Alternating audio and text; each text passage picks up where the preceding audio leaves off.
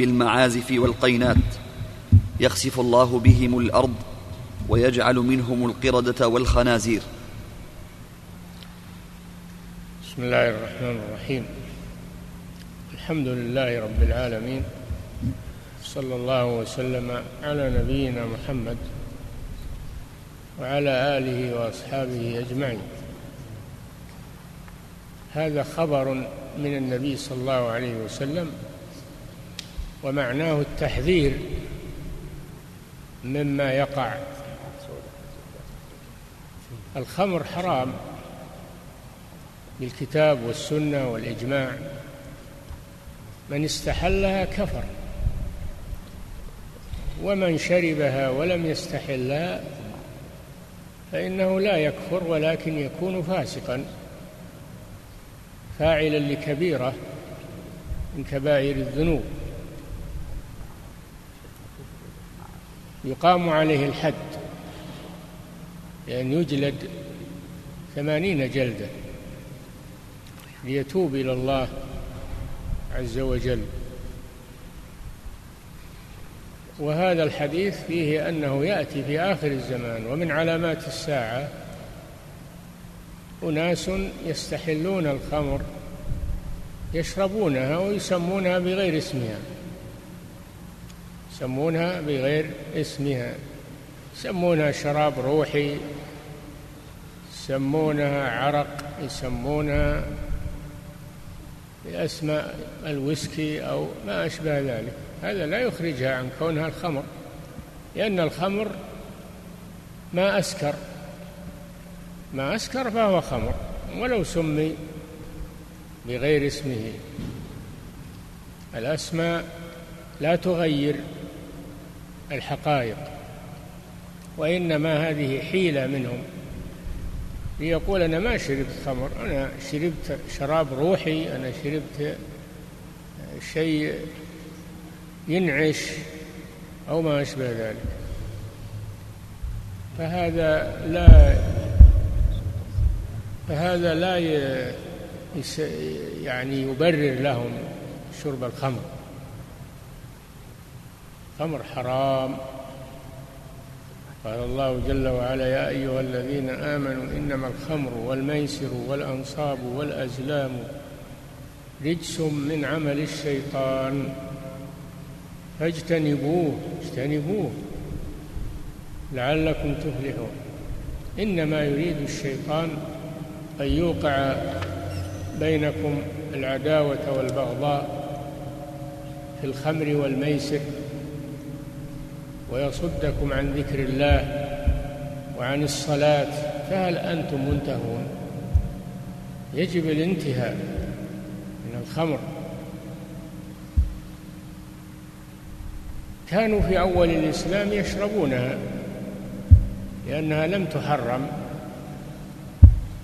فلما حرمت نزلت الآية في تحريمها قاموا على دنان الخمر وشقوها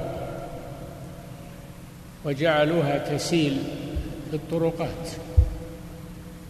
بادروا إلى إتلافها وإلى الامتناع عنها. هكذا المؤمن إذا قضى الله ورسوله أمرا يجب عليه أن يمتثل ولا يتردد في هذا. فهؤلاء في آخر الزمان يأتون ويشربون الخمر يسمونها بغير اسمها يظنون أنهم إذا غيروا اسمها أنه يختلف الحكم. والحكم لا يختلف وهذه حيلة. كحيلة اليهود. اليهود حرم الله عليهم أشياء فاحتالوا حرم عليهم الشحوم فجملوها يعني أذابوها فباعوها وأكلوا ثمنها يقولون ما إحنا ما استعملنا الشحوم استعملنا الدهن. هذا ما ي... هذا ما يغير الحكم. هذا ما يغير الحكم. لذلك لعنهم رسول الله صلى الله عليه وسلم على هذه الحيلة. وغيروا يوم السبت صيد الحيتان فغير الله صورهم ومسخهم قردة كذلك هؤلاء في آخر الزمان إذا احتالوا على الخمر سموها بغير اسمها وشربوها فإن الله يجعل منهم قردة وخنازير عقوبة لهم. والأمر الثاني أنهم يستعملون الأغاني والملاهي والقينات والضرب على رؤوسهم بالمعازف وهذا محرم أيضا ينضاف إلى شرب الخمر. فلذلك يغضب الله عليهم ويعاقبهم ويمسخهم قردة وخنازير. كما غيروا حكم الله غير الله صورهم لأن الجزاء من جنس العمل. نعم. قال رحمه الله تعالى وللبخاري عن وللبخاري عن أبي عامر هذا من أدلة تحريم الأغاني وتحريم المعازف بجميع أنواعها وآلات اللهو وإن كان يوجد من المحتالين من المنتسبين إلى طلب العلم من يبيح الأغاني خصوصا الصوفية يتقربون بها إلى الله يجعلون من العبادة. هذا أشد. هذا الحديث وأمثاله من أدلة تحريم الأغاني وتحريم آلات اللهو. من معازف وغيرها. نعم. قال رحمه الله تعالى وللبخاري عن أبي عامر بن أبي مالك الأشعري رضي الله عنه أنه سمع النبي صلى الله عليه وسلم يقول ليكونن ناس من أمتي يستحلون الخمر والحرير والمعازف ولينزلن أقوام إلى جنب علم يروح عليهم بسارحة لهم تأتيهم الحاجة فيقولون ارجع إلينا غدا فيبيتهم الله ويضع العلم ويمسخ آخرين قردة وخنازير إلى يوم القيامة. وهذا مثل الحديث الذي قبله أن قوما يخرجون يخرجون مثلا إلى نزهة إلى نزهة وينزلون إلى جنب علم يعني جبل إلى جنب جبل. وتروح عليهم سارحتهم وتأتي يعني معهم معهم أغنام ولا معهم مواشي أو إبل ينزلون بهالمكان هذا ويستعملون الخمر يستحلون الخمر والحرى. الحرى يعني الزنا الحرى الفرج. والحرير والحرير حرام لبسه على الرجال. يستحلون هذه المحرمات.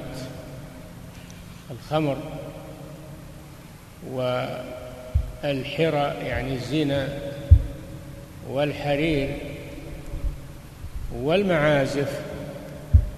فقوله يستحلون هذا دليل على أن المعازف حرام وأن الغنى حرام. وأما الخمر هذا مجمع على تحريمه ما في خلاف ما في خلاف بين العلماء أن الخمر حرام. إنما المعازف والأغاني بعض المنتسبين لطلب العلم يحلونها وهذا خطأ هذا خطأ. الأدلة تدل على تحريمه هذا خطأ. مثل ابن حزم رحمه الله يبيح الغنى. يبيح الغنى. وهذا غلط. هذا غلط منه. وكذلك المعازف والآلات اللهو هذا الحديث يدل على تحريمه. لأمرين. أولا أنه قال يستحلون. والاستحلال لا يكون إلا من شيء محرم. دل على أن الأغاني والمعازف حرام مثل الخمر. والأمر الثاني أنه قرنها مع محرمات مجمع على تحريمها. الخمر مجمع على تحريمه الحرى مجمع على تحريمه الحرير على الرجال أيضا يكاد يكون إجماع تحريمه. إلا للضرورة. فهؤلاء يستحلونها في آخر الزمان. وتعزف عليهم القينات على رؤوسهم. ماذا يحصل لهم؟ يجون يجيهم من يريد منهم حاجة يقولون تأتينا غدا. عندهم أنهم يبي يستمرون ويبون يبقون بهالمكان. فإذا جاء الليل بيتهم الله خسف الأرض بهم ووضع العلم يعني الجبل انخسف والعياذ بالله. إذا جاء اللي مواعدينه ما يلقاه خسوف بهم. يمسخهم الله قردة وخنازير إلى يوم القيامة. هذا وعيد شديد ونهي أكيد تحذير من الرسول صلى الله عليه وسلم من استحلال هذه الأمور ومنها القينات المغنيات والمعازف. آلات اللهو نعم. قال رحمه الله تعالى وروي عن أبي أمامة مرفوعا يكون في أمتي فزعة فيصير الناس إلى علمائهم فإذا هم قردة وخنازير. نعم. كون يصيب الناس خوف خوف وفزع في آخر الزمان يذهبون إلى علمائهم علمائهم لأن الناس يذهبون إلى العلماء عند الحاجة. فإذا ذهبوا إليهم وجدوهم قد مسخوا والعلماء مسخوا قردة وخنازير. بسبب ماذا؟ بسبب أنهم استحلوا محارم الله وأفتوا بجوازها. هذا خطر عظيم. تحذير لما لأهل العلم أن يخافوا الله وأن لا يفتحوا لأنفسهم وللناس أبواب التحيل على محارم الله والفتاوى الخاطئة والتماس الرخص الخاطئة على العلماء أن يحذروا وأن يأخذوا الأمة طريق النجاة ولا يعينونها على الشر بالفتاوى الخاطئة واتباع الرخص الخاطئة. فعلماء مسؤوليتهم عظيمة وأمانة لأن الله ائتمنهم على العلم وعلى بيان الحلال والحرام. فلا يجوز لهم أن يفتحوا لأنفسهم وللناس أبواب الحيل وأبواب الرخص والفتاوى المخالفة للدليل. وما أكثر هذا الآن ممن يفتون بغير علم. ويؤولون النصوص ويلوون أعناقها علشان تجي على هواهم. يفتحون للناس أبواب. ويقال هؤلاء هم العلماء. اللي اللي تمسك بالحلال والحرام هذا يقال متشدد. وأما اللي يفتح للناس أبواب الرخص هذا يقال هو العالم وهو الفقيه وهو وهو. هؤلاء هددهم رسول الله صلى الله عليه وسلم لأن الله يمسخهم قردة وخنازير. إذا جاء الناس إليهم وقت الفزع يلتمسون عندهم الفرج ووجدوهم قردة وخنازير. ولو كانوا علماء. العالم إذا ضل فإن الله يعاقبه. ويغير صورته لأنه أشد أشد إثما من العامي والجاهل. العامي جاهل قد يعفى عنه لكن العالم اللي يتحيل على محارم الله ويغير الأحكام ويتأول النصوص هذا أتى عن علم وعن معرفة متعمد لهذا الشيء تكون عقوبته أشد. نعم. قال رحمه الله تعالى وعن حذيفة رضي الله عنه أنه قال حدثنا رسول الله صلى الله عليه وسلم حديثين. قد رأيت أحدهما وأنا أنتظر الآخر.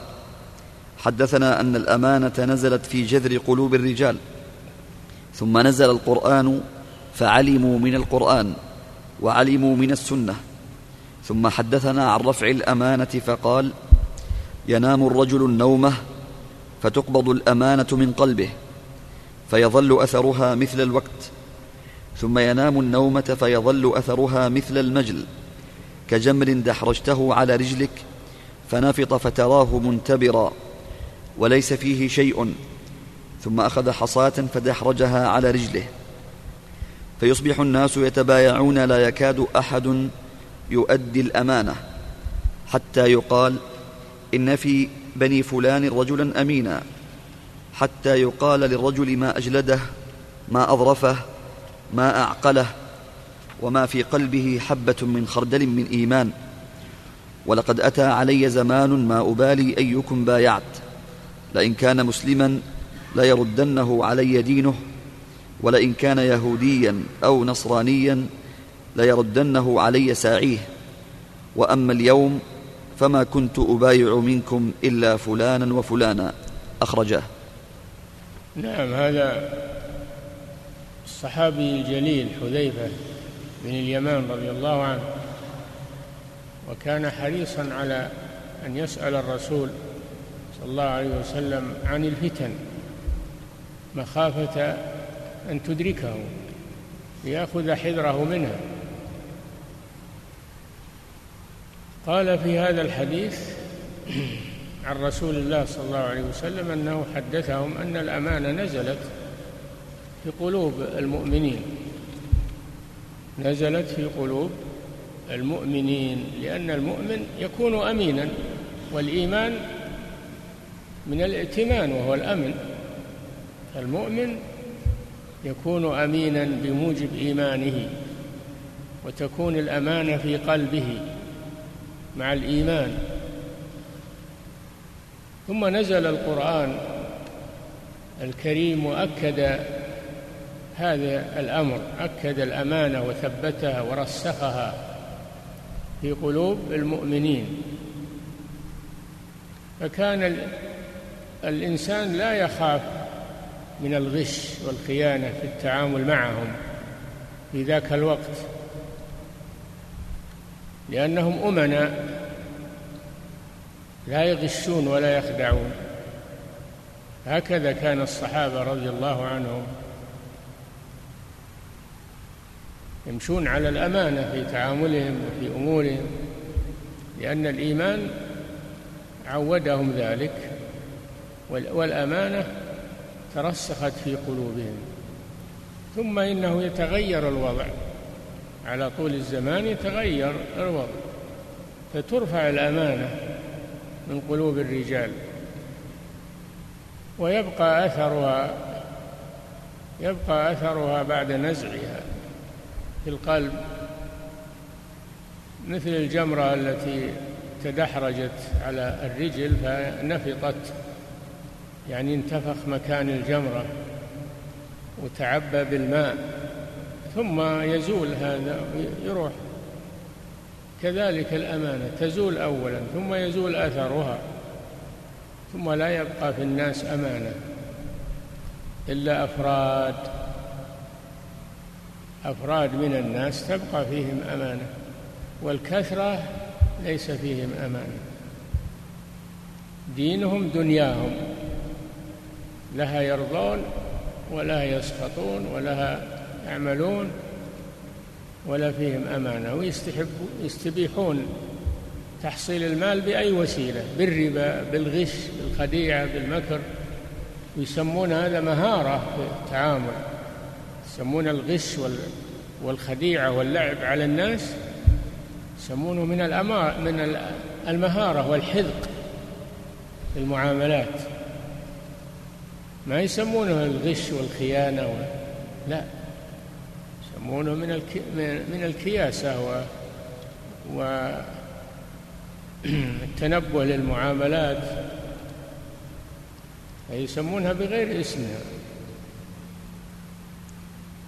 إلا أفراد من الناس. يقول حذيفة بل أول ما أبالي من أتعامل معه إن كانت الأمانة موجودة ما أتعامل ما أبالي من أتعامل معه ولا أخاف من الغش لكن لما تأخر الزمان وجاء أناس غير الأناس الأولين الأمانة قلت إلا في رجال قليلين يتعامل معهم وأما أكثر الناس فلا يأمنهم.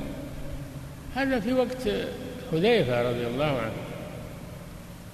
فكيف إذا تأخر الزمان؟ إذا تأخر الزمان أكثر خطورة وأكثر رفع للأمانة. حتى إنهم يمدحون الخائن الذي لا أمانة اللي يغش الناس ويخدعهم ويأكل أموالهم بالحيل يمدحونه في هذا. ما أظرفه ما أعقله ما كذا. وليس في قلبه مثقال حبة من خردل من إيمان. مع هذا يمدحونه في تعامله وفي حيله وفي مكره في غشه وخيانته. يمدحون الخائن يخونون الأمين ويأتمنون الخائن. هذا في آخر الزمان. نعم.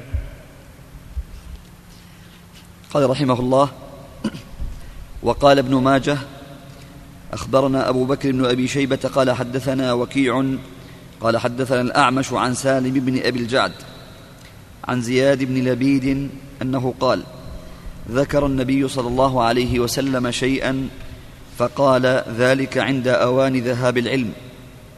قلت يا رسول الله وكيف يذهب العلم؟ ونحن نقرأ القرآن ونقرئه أبناء ونقرئه أبناءنا ويقرئه أبناؤنا أبناءهم إلى يوم القيامة. فقال ثكلتك أمك يا زياد إن كنت لأراك من أفقه رجل بالمدينة أوليس هذه اليهود والنصارى يقرؤون التوراة والإنجيل لا يعملون بشيء منها؟ نعم وهذا الحديث مثل الحديث الأول. فيه التحذير من علماء الضلال. تحذير من علماء الضلال. والذين يلتمسون المخارج من الأحكام الشرعية في أنفسهم ويفتون الناس بذلك. الرسول حذرنا من هؤلاء.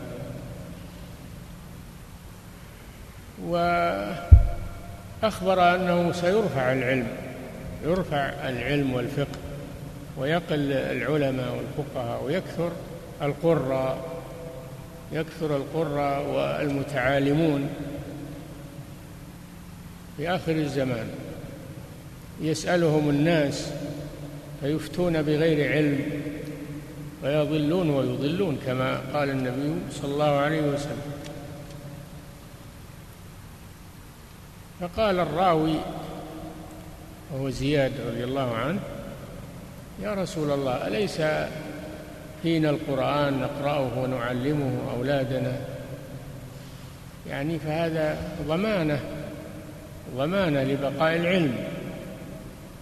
ما دام القرآن موجود فالعلم موجود. النبي صلى الله عليه وسلم بين له أن وجود القرآن ووجود الأحاديث الصحيحة في الناس ما يكفي هذا ولا يكفي حفظ القرآن وحفظ الأحاديث الصحيحة هذا ما يكفي.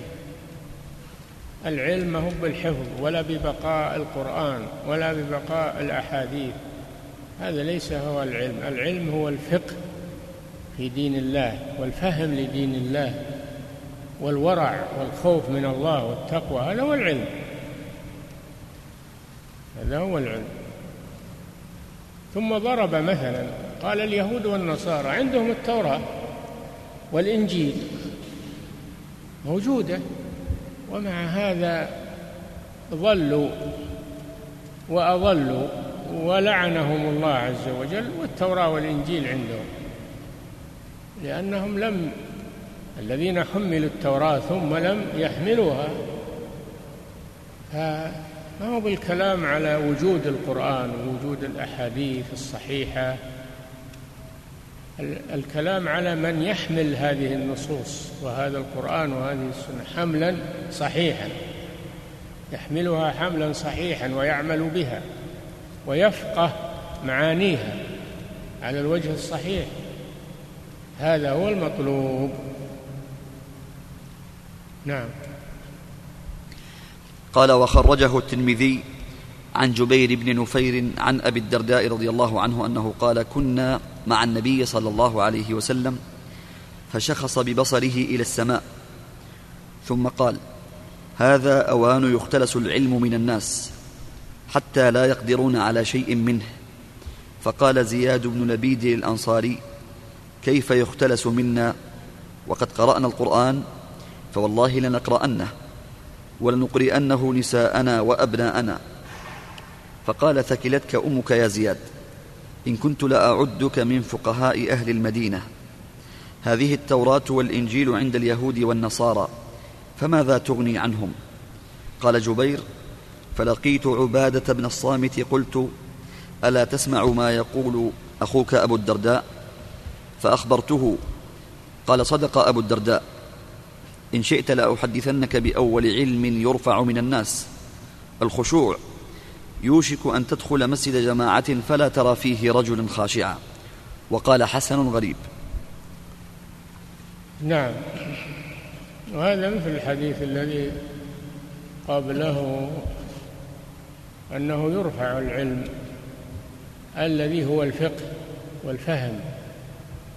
في كتاب الله وسنة رسوله صلى الله عليه وسلم. مع أن القرآن والأحاديث موجودة لكن قل من يفقهها ويفهمها. كثير من يحفظها ويقرأها. يمكن يقرأ القرآن بالقراءات العشر ويتقن التلاوة والتجويد لكن ما يفقه من القرآن ولا حرف واحد. مجرد آلة هو مثل المسجل. تشوفون المسجل؟ المسجل تفتحه ويقرأ عليك القرآن. هذا يصير مثل المسجل. مجرد آلة تحفظ القرآن أما أنه يفقه القرآن. الإنسان اللي وفقه الله للفقه في دين الله والعمل حتى ولو لم يحفظ القرآن. ولو لم يحفظ القرآن. الفقه يؤتيه الله من يشاء من يرد الله به خيرا يفقهه في الدين. وليس العبرة أنك تحفظ النصوص. العبرة بأن تفهم معناها. كما أراد الله سبحانه وتعالى تفهم معناها. هذا هو الفقه. وتعمل بها. هذا هو الفقه وهو المطلوب. أما أنك تحفظ القرآن أو تحفظ البخاري ومسلم و و والسنن الأربع المسند تحفظها عن ظهر قلب من غير فقه هذا لا يكفي ولا ما لو خليت في الكتاب كان أحسن. لو خليت بالكتاب كان أحسن. ما في فائدة أنك تحفظ بدون فهم. فليس العبرة بالحفظ العبرة بالفقه والفهم. وليس العبرة أيضا بالفقه والفهم بل العمل أيضا. لا بد من هذا. من علم وعمل. علم وعمل. هذا هو المطلوب. وإلا فأهل الكتاب ضلوا ولعنهم الله ومسخ منهم القردة والخنازير وهم عندهم التوراة والإنجيل. كيف يحكمونك وعندهم التوراة؟ فيها حكم الله ثم يتولون من بعد ذلك. لو حكموا التوراة لاتبعوا الرسول صلى الله عليه وسلم. لو حكموا الإنجيل لاتبعوا محمد صلى الله عليه وسلم. لأنه أمرهم باتباع محمد صلى الله عليه وسلم. فهم ما حكموا وهم يحفظونه ويحملونه لكن ما فات ما فقهوه ولا عملوا به. ماذا يغني عنه؟ فهذا فيه الحث على تفقه في كتاب الله وسنة رسول الله صلى الله عليه وسلم. ولا يكفي حمل العلم ما يكفي حمل العلم لا بد من فهمه ولا بد من العمل به. تنبهوا لهذا. نعم. بعض الناس بعض الشباب وفقهم الله يعتنون بالحفظ. يقول أنا أحفظ البخاري أنا أحفظ مسلم. لكن لو تسأله مسألة واحدة من مسائل الفقه ما استطاع يجاوب. لأنه ما تفقه فيها ولا فهم معانيها ولا أخذها عن العلماء الذين يشرحونها ويبينونها له. نعم. قال رحمه الله تعالى وذكر ابن ماجه من مسند زياد بإسناد صحيح نعم. كما نعم. قال وذكر ابن ماجه من مسند زياد بإسناد صحيح كما تقدم.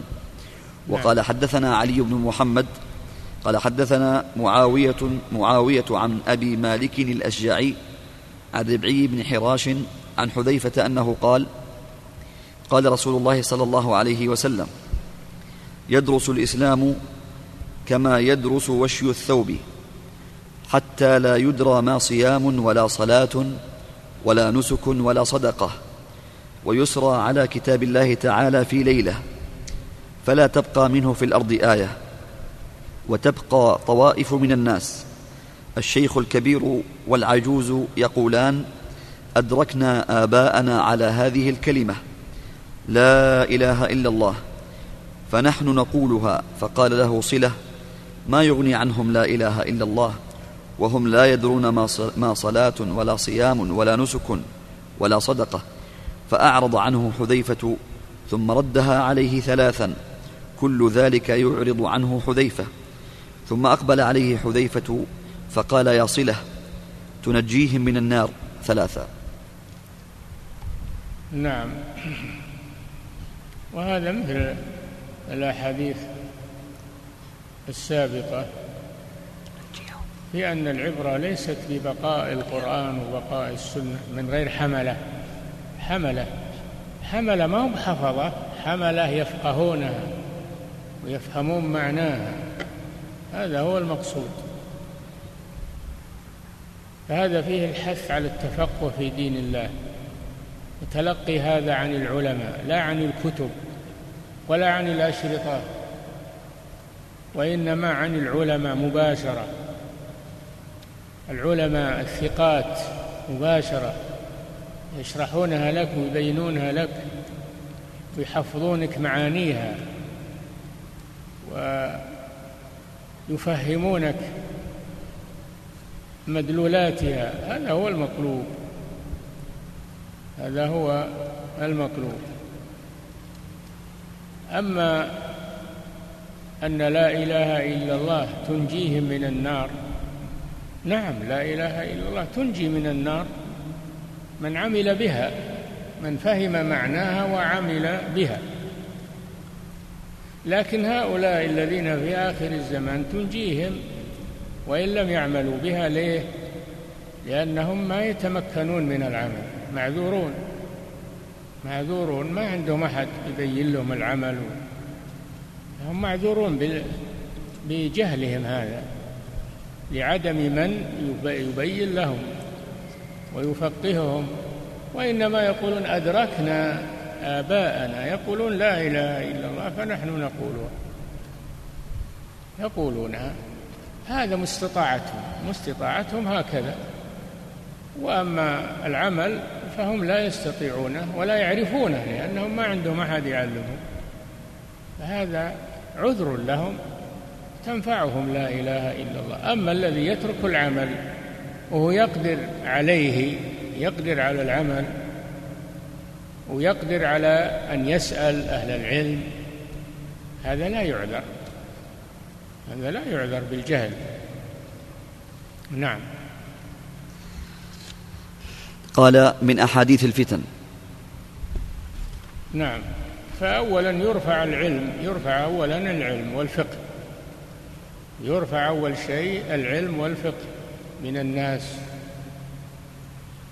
ثم ثانيا يرفع القرآن من القلوب يؤخذ من القلوب ومن الحفظ ومن المصاحف يرفع ولا يبقى شيء ما يبقى شيء من القرآن. في آخر الزمان نعم.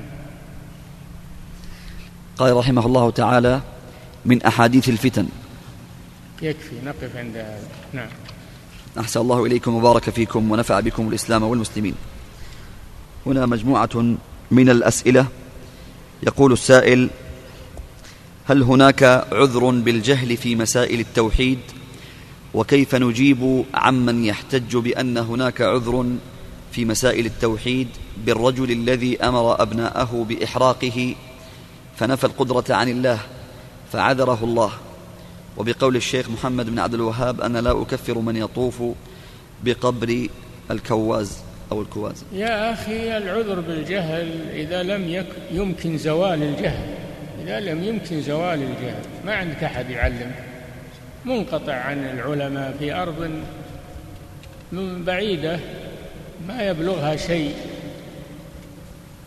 هذا يعذر بالجهل. أما الإنسان المتمكن من العلم ومن سؤال العلماء ويقول أنا أعذر بالجهل أنت المفرط. أنت المفرط لأنك لم تطلب العلم لم تسأل. فكيف يعذر بالجهل؟ فهناك جهل لا يمكن زواله وهو من يعيش منقطعا لا يجد أحدا. ومن يعيش مع الناس ومع العلماء ومع يسمع القرآن ويسمع السنة يقول أنا أعذر بالجهل؟ لا أنت المفرط. أما ذاك اللي يعيش منقطع هذا ما فرط ما وجد أحد. ما فرط لأنه ما وجد أحدا يعذر بالجهل. فالجهل الذي لا يمكن زواله يعذر به. أما الجهل الذي يمكن زواله بالتعلم وسؤال العلماء فهذا لا يعذر به. فتنبهوا لهذا. لأن فيه من الناس من أخذوا هذه المسألة صاروا يرددونها يعذر بالجهل يعذر بالجهل. على طول بالإطلاق. لا. لا بد من التفصيل. ثم أيضا المسائل ما هي واحد. المسائل ما هي واحد؟ المسائل الخفية التي تحتاج إلى علماء وتحتاج إلى شرح. هذه نعم يعذر بالجهل حتى يجد من يعلمه. أما المسائل الواضحة التي لا تحتاج إلى شرح مثل الشرك الشرك التوحيد هذه ما يعذر بالجهل لأنها واضحة الله جل وعلا قال واعبدوا الله ولا تشركوا به شيئا إنه من يشرك بالله قد حرم الله عليه الجنة لئن أشركت ليحبطن عملك هذا غامض ولا ولا واضح؟ واضح واضح التوحيد وما واضح الشرك فالمسائل الظاهرة لا يعذر أحد بجهله. أما المسائل الخفية التي تحتاج إلى بيان من العلماء هذه يعذر للجهل فيها. المسائل ما هي واحد. نعم. فلا بد من هذا التفصيل في العذر بالجهل. نعم. أحسن الله إليكم. والشيخ محمد بن عبد الوهاب يقول لا أكفر الذين يعبدون الصنم الذي على قبة الكواز لأن ما عندهم أحد يعلمهم ما ما قال يعذرون وسكت قال ما عندهم أحد يعلمهم أما هؤلاء عندهم من يعلمهم وعندهم من يبين لهم لكن ما سألوا ولا طلبوا العلم. فكيف يعذرون بالجهل؟ نعم. أحسن الله إليكم. وهذا سائل يقول ما معنى الوقت والمجل؟ ما معنى الوقت والمجل في قوله صلى الله عليه وسلم؟ الوقت والمجل هذا من أثر الجمر. الجمر إذا مس جلدك أليس جلدك يرتفع وينبه؟ يسمونه النبخ ينبخ يعني يكون فيه يكون فيه آثار للكي يجتمع فيها الماء. هذا المجل مجل يعني مجل معناه اللي يسمونه العوام النباخ تنبخ اليد ويصير فيها ماء من أثر الحرارة. هذا المجل والوقت. نعم. وهذا سائل يقول ما حكم قول أمانة تعطيني أمانة تعال أمانة روح؟ ما حكم ذلك أثابكم الله؟ لا يجوز الحلف بالأمانة يا أخي. ما يجوز الحلف بالأمانة. نهى النبي صلى الله عليه وسلم عن الحلف بالأمانة. سواء قلت والأمانة أو قلت أمانة تعطين هذا الشيء أو تخبرني عن كذا هذا يمين لا يجوز. أمانة يعني والأمانة لكن حذف الواو فلا يجوز الحلف بغير الله لا بالأمانة ولا بغيرها نعم. أحسن الله إليكم. وهذا سائل يقول هل التحذير والوعيد الشديد والمسخ مرتبط فقط باستحلال الخمر والحرير والحر والمعازف والحر والمعازف والحرى والمعازف أم مرتبط بارتكابها؟ وهل هذا مختص بهذه الأمور أم يتعدى؟ من استحلها كفر ولو لم يرتكبها. من استحل الخمر والمعازف والحرير كفر ولو لم يفعلها.